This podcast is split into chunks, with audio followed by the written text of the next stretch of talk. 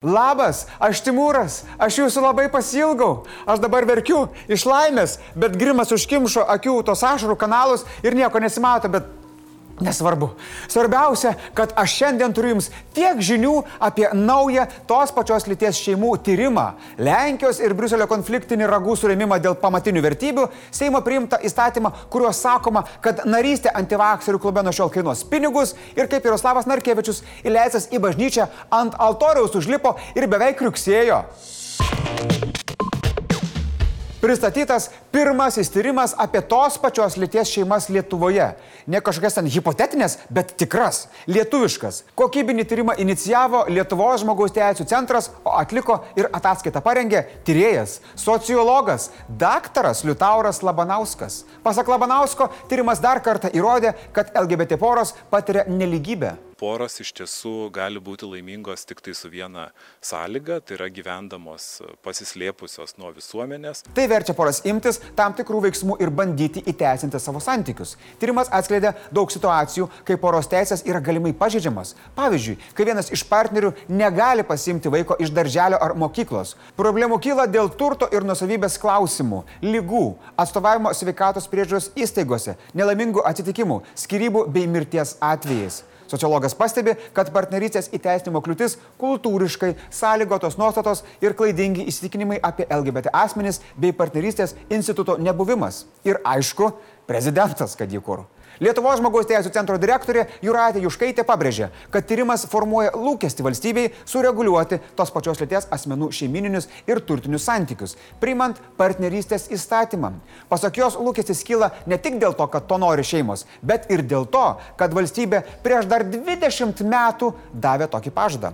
2001 metais įsigaliojęs civilinis kodeksas numato partnerystės institutą Lietuvoje. Tik jam veikti reikia atskiro įstatymo. Lietuva yra viena iš šešių ES valstybių, kurios nėra sureguliavusios tos pačios lyties šeimų santykių. Juškaitė pastebi, kad kartais poros gali neformaliai susitarti ir kai kurias problemas neformaliu būdu išspręsti. Tačiau pavyzdžiui, tik biologinis vaiko tėtis ar mama gali tvarkyti tokius klausimus kaip užrašymas į mokyklą ar darželį. Per tyrimą atlikti interviu su 10 LGBT porų. Jų amžius nuo 21 iki 65 metų. Vidutinė jų santykių trukmė 10 metų. 10 metų, sako. Na, spėju, kad ne viena tokia šeima susikūrė po audringo vakarėlio legendinėme Men's Factory. Jei žinote, kas yra Men's Factory, spauskite like po šio video. Jeigu ne, paklauskite tėvų. Jie sakys, kad ten nėra buvę, bet netikėkit įvyko pirmasis praėjusiais metais įkurtos prezidentų tarybos susitikimas. Į Lietuvą atvyko Lenkijos vadovas Andžejus Duda. Žinoma, šio susitikimo laukia politologai. Bet kaip Jūs manote, ar laukia prezidentas su žmona? Iš nuotraukos sprendžiu, kad žodis laukia yra per silpnas susikaupusiam jauduliui apibūdinti. Labiausiai knėti sužinoti, ar vyručiai kalbėjusi apie Lenkijos ginčą su ES. Pamenate, neseniai Lenkijos konstitucinis tribunolas paskelbė, kad teismų sistemos klausimais Lenkijos konstitucija yra viršesnė už ES teisę. Tai sukėlė audringas reakcijas ES institucijose ir valstybėse narėse pradėta kalbėti apie poleksitą. Šią krizę, galima sakyti, sukėlė konservatyvi partija Teisė ir Teisingumas. 2015-aisiais paėmusi valdžią ir prastumusi virtinę prieštaringai vertinamų teismų sistemos reformų, išprovokavusių nesutarimus. Ir nors partijos lyderis Kačinskis sako, kad nebus jokio poleksito, tos pačios partijos įtakingas narys sako, kad Lenkija kovos su Bruselio okupantu, o vicepirmininkas prideda, kad jie gali ieškoti drastiškų sprendimų. Ekspertai pasimetė. Jie sako, kad jei Lenkija nenusileis, greičiausiai turės palikti ES. Priešingų atveju bendryje neatlaikytų tokio smūgio įstatymo viršenybei ir vertybėms. Europa perspėjo, kad už šitą politinę panko skiauterę tikrai bus kaina, kurią reikės sumokėti. Ir spėju, kad ta kaina nebus kaip tų sauskilnių suvalkų bedronkui, bus gerokai daugiau. Situacijai nepadėjo Lenkijos premjero Mateušo Moravetskio kalba Europos parlamente. Jis gynė savo šalies poziciją. Odrzucam język gruźb, pogróżek i wymuszeń. Nie zgadzam się na to, by politycy szantażowali i straszyli Polskę. By szantaż, by szantaż stał się metodą uprawiania polityki wobec któregoś z państw członkowskich. Europos komisijos vadovė Ursula von der Leyen į tai atšovė tokių lik ir grasinimų, jau svarsto teisinės, finansinės ir politinės priemonės. Manau, Lenkija skaudžiausia būtų, jei jiems nebeleistų pakelėse dėlioti tų bjaurių spalvotų reklamų, uždraustų flekį, pirogį arba lieptų per pus, per pus grinai vad sumažinti aukščiausią pasaulyje Jėzaus statulą. Premjeras pabrėžė, kad Lenkija neketina išstoti iš bendrijos, tačiau pridūrė, kad ES įstatymai gali būti taikomi tik specifinėse srityse, o kitais atžvilgiais pirmumas Lenkijos konstitucijai. Tiek ES, tiek Lenkija yra kaip du ožiukai ant tilto suremė ragus. Nepasiduoda ne vienas. O prie ko čia Lietuva? Na, mūsų prezidentas stovi po to tiltu ir nežino, ką palaikyti. Lietuvoje jis jau gerai atidirbo tą visų pusių palaikymo ir dialogo metodiką. Todėl dabar ir vėl yra pasimetęs. Per spaudos konferenciją Duda apie skandalą pasakė. Egzistuoja Lenkijos konstitucijos pirmenybė, ne teisė, bet konstitucijos pirmenybė. Mes esame ES narė. Mes esame patenkinti tuo. O mūsų prezidentas, žinoma, pasirinko neutralią mediatoriaus poziciją. Jeigu reikia mūsų mediacijos paslaugų, jeigu reikia mūsų tarpininkavimo, mes tikrai esame pasirengę tai daryti ir aš matau, kad vis dar yra potencialo mėginti ieškoti e, išeities. Ir aišku, kad paminėjo dialogą. Kaip gibėjo, kaip be dialogo. Kaip manote, kuo viskas baigsis? Briuselis pasiduos? O gal Lenkija išeis? O jei išeis, tai ar išeis kaip Zokienė iš santoko su Zuoku, pasidalinę turtą 90-10? Rašykit komentaruose, labai įdomu. Seimas priėmė griežtą ir kontroversišką sprendimą dėl mokamų COVID-19 testų. Nuo gruodžio pirmosios dienos darbuotojai patys turės už juos susimokėti. Paprastai tariant, jei valstybėje yra paskelbta ekstremali padėtis ar karantinas dėl užkrečiamosios lygos ir yra prieinamos vakcinos, už testavimą nuo tos lygos turės susimokėti pats darbuotojas arba darbdavys, jei yra labai labai geros širdelės ir storos piniginės. Išimtis taikoma negalintiems pasiskiepyti dėl medicininių priežasčių. Testuotis nereikės imunitetą turintiems žmonėms. Antigeno testų kainos laboratorijose prasideda nuo 20 eurų, tačiau sveikatos ministerija skaičiuoja, kad galėtų kainuoti apie 13 eurų. Iš viso per mėnesį reikėtų bent 3 testų, todėl iš atlyginimo tam reikėtų atidėti apie 40-70 eurų. Tai čia kaip šuolis parašiutu, 35 kavos Vilniaus centre, 1.13.13 iPhone arba 7 pakeliai cigarečių. Per posėdį liberalas Eugenijus Gentvilas retoriškai klausė, Negi mes jau gerovės valstybę pasiekėme ir galime apmokėti visus, kurie veikia prieš valstybės numatytą politiką. Jam oponavęs Remigijus Žemaitaitis replikavo, kad šis įstatymas yra. Vienisi konservatorių grabą. Jis sakė, kad net dalis Seimo narių ar viceministrų yra nepasiskiepijusių.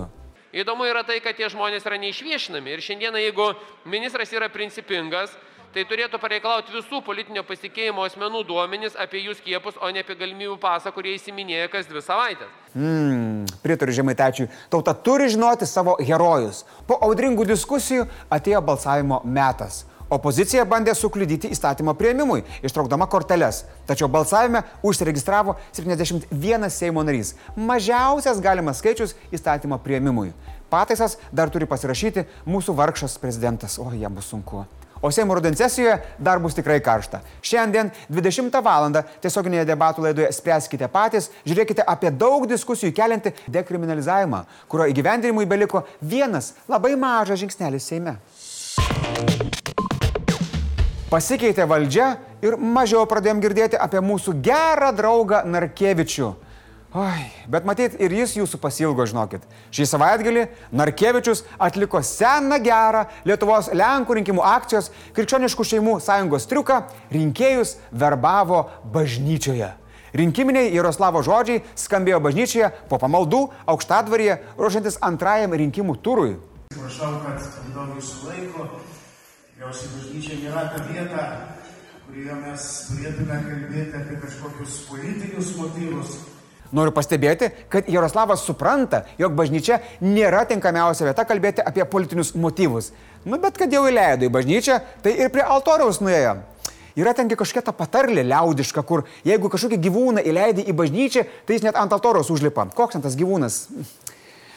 Kandidatas į Trakų rajono merus ne tik dėkoja bažnyčioje galimai esantiems jo rinkėjams, bet ir stojo į kovą prieš liberalizmą. Tik keista tai girdėti iš žmogaus, kuris tik dėl bažnyčios liberalaus požiūrį į tokį agitavimą gavo galimybę kreiptis į žmonės.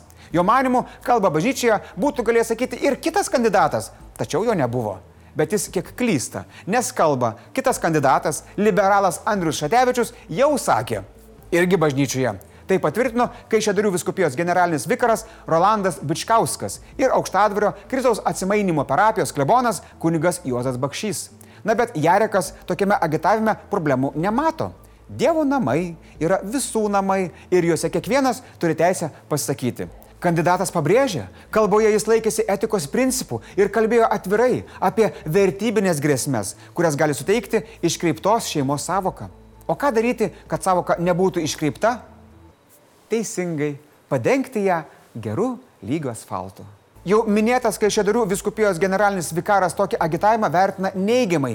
Tai kaip ir nėra nusikaltimas, tačiau kunigams primenama, kad bažnyčia tam nėra tinkama erdvė.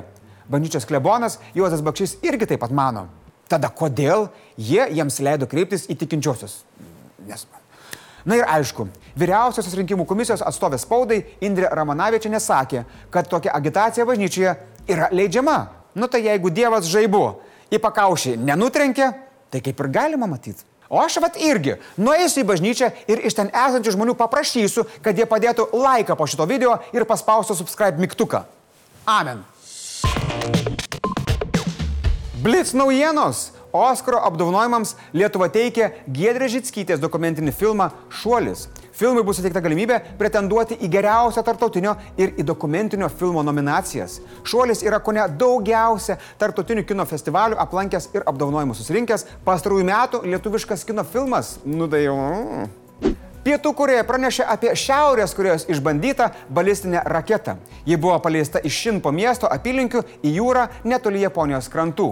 Pjenjanas sausį pristatė raketą pavadindamas ją, cituoju, galingiausių pasaulio ginklu. Vienas naras viduržėme jūroje prie Izraelio krantų atrado senovinį kalaviją. Tikra, tikrų tikriausia. Ekspertai sako, kad jis mena kryžiaus karų laikus. Yra maždaug 900 metų senumo. Naras nardė maždaug už 150 metrų nuo kranto, 5 metrų gilyje. Tai kaip ir šalia buvo. Draugai, primenu, šiandien komentarų skiltyje laukia jūsų diskusijos apie tai, kuo baigsis Lenkijos ir ES konfliktas. Skrybom, draugybom ar kažkokiu dylu. Parašykit, labai įdomu. Na, o pabaigti šiandien norėčiau puikiais Jareko žodžiais. Ačiū, prašau nepykti, kad užėmiau jūsų laiką ir pasitikėkite vienas kitu. Viskas bus gerai. Šiandien tiek žinių, iki rytojaus.